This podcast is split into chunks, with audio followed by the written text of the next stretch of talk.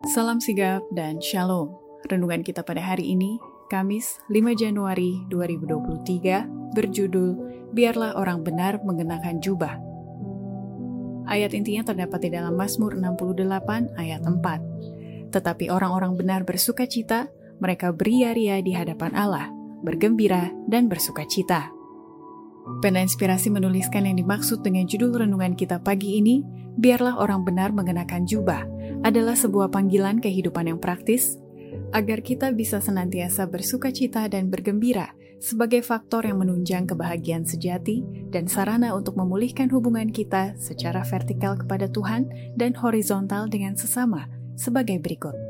Pertama, cara Yesus menggenapi janjinya kepada setiap orang percaya dan yang setia seperti ditulis oleh pemazmur biarlah orang benar mengenakan jubah, adalah dia sendiri yang menjadi pembela kita di hadapan Allah Bapa di surga, sampai kita dikenakan jubah putih, yaitu tabiatnya, asalkan kita sungguh-sungguh memohon pengampunan atas dosa-dosa kita.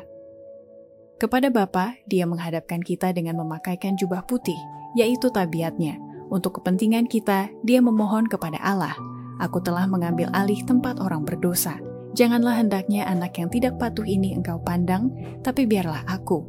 Tatkala setan dengan teriakan keras menuntut jiwa kita, mempersalahkan kita karena dosa, dan mengklaim kita sebagai mangsanya, darah Kristus membela kita dengan kuasa yang lebih besar. Kedua, cara Yesus menggenapi janjinya kepada setiap orang percaya dan yang setia, seperti ditulis oleh pemazmur, biarlah orang benar mengenakan jubah, bila mana hati kita senantiasa bertaut dengan pelayanannya dan tidak hanya cukup sekedar pengakuan, tetapi benar-benar kita memelihara dan memakai jubah kesalehan dalam kehidupan kita sehari-hari. Ada banyak orang yang mengakui nama Kristus yang hatinya tidak bertaut dengan pelayanannya. Mereka hanya memakai jubah kesalehan atas pengakuan, dan dengan tindakan ini saja mereka telah membesarkan hukumannya dan lebih bersifat penipu dan menjadi agen-agen setan yang sukses dalam usaha untuk membinasakan jiwa-jiwa. Ketiga, cara Yesus menggenapi janjinya kepada setiap orang percaya dan yang setia, seperti ditulis oleh pemazmur, biarlah orang benar mengenakan jubah bila mana pikiran kita selalu dipelihara menjadi satu dengan pikiran Kristus. Bila mana kita menyerahkan diri kita kepada Kristus, maka hati kita dipersatukan dengan hatinya, kehendak kita menjadi kehendaknya, pikiran kita menjadi satu dengan pikirannya. Pemikiran-pemikiran kita ditawan oleh pemikiran-pemikirannya. Kita menghidupkan hidupnya. Inilah artinya dipakaikan jubah kebenaran Kristus. Kemudian pada waktu Tuhan memandang kepada kita, ia melihat bukan jubah daun pohon ara, bukan ketelanjangan dan kecacatan yang ditimbulkan oleh dosa, tetapi jubah kebenarannya sendiri, yang adalah penurutan yang sempurna kepada hukum Jehova.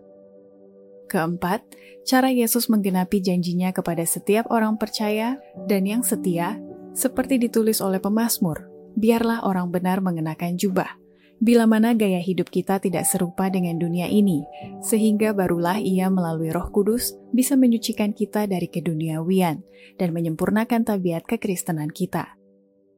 Maksud-maksud Allah sering terselubung dalam misteri, mereka tak terpahami oleh pikiran yang terbatas. Tetapi dia yang melihat akhir dari permulaan, mengetahui lebih baik daripada kita. Apa yang kita perlukan ialah menyucikan kita dari keduniawian, menyempurnakan tabiat Kristen kita, agar jubah kebenaran Kristus dipakaikan kepada kita. Demikianlah renungan kita pada hari ini. Kiranya Tuhan memberkati kita semua.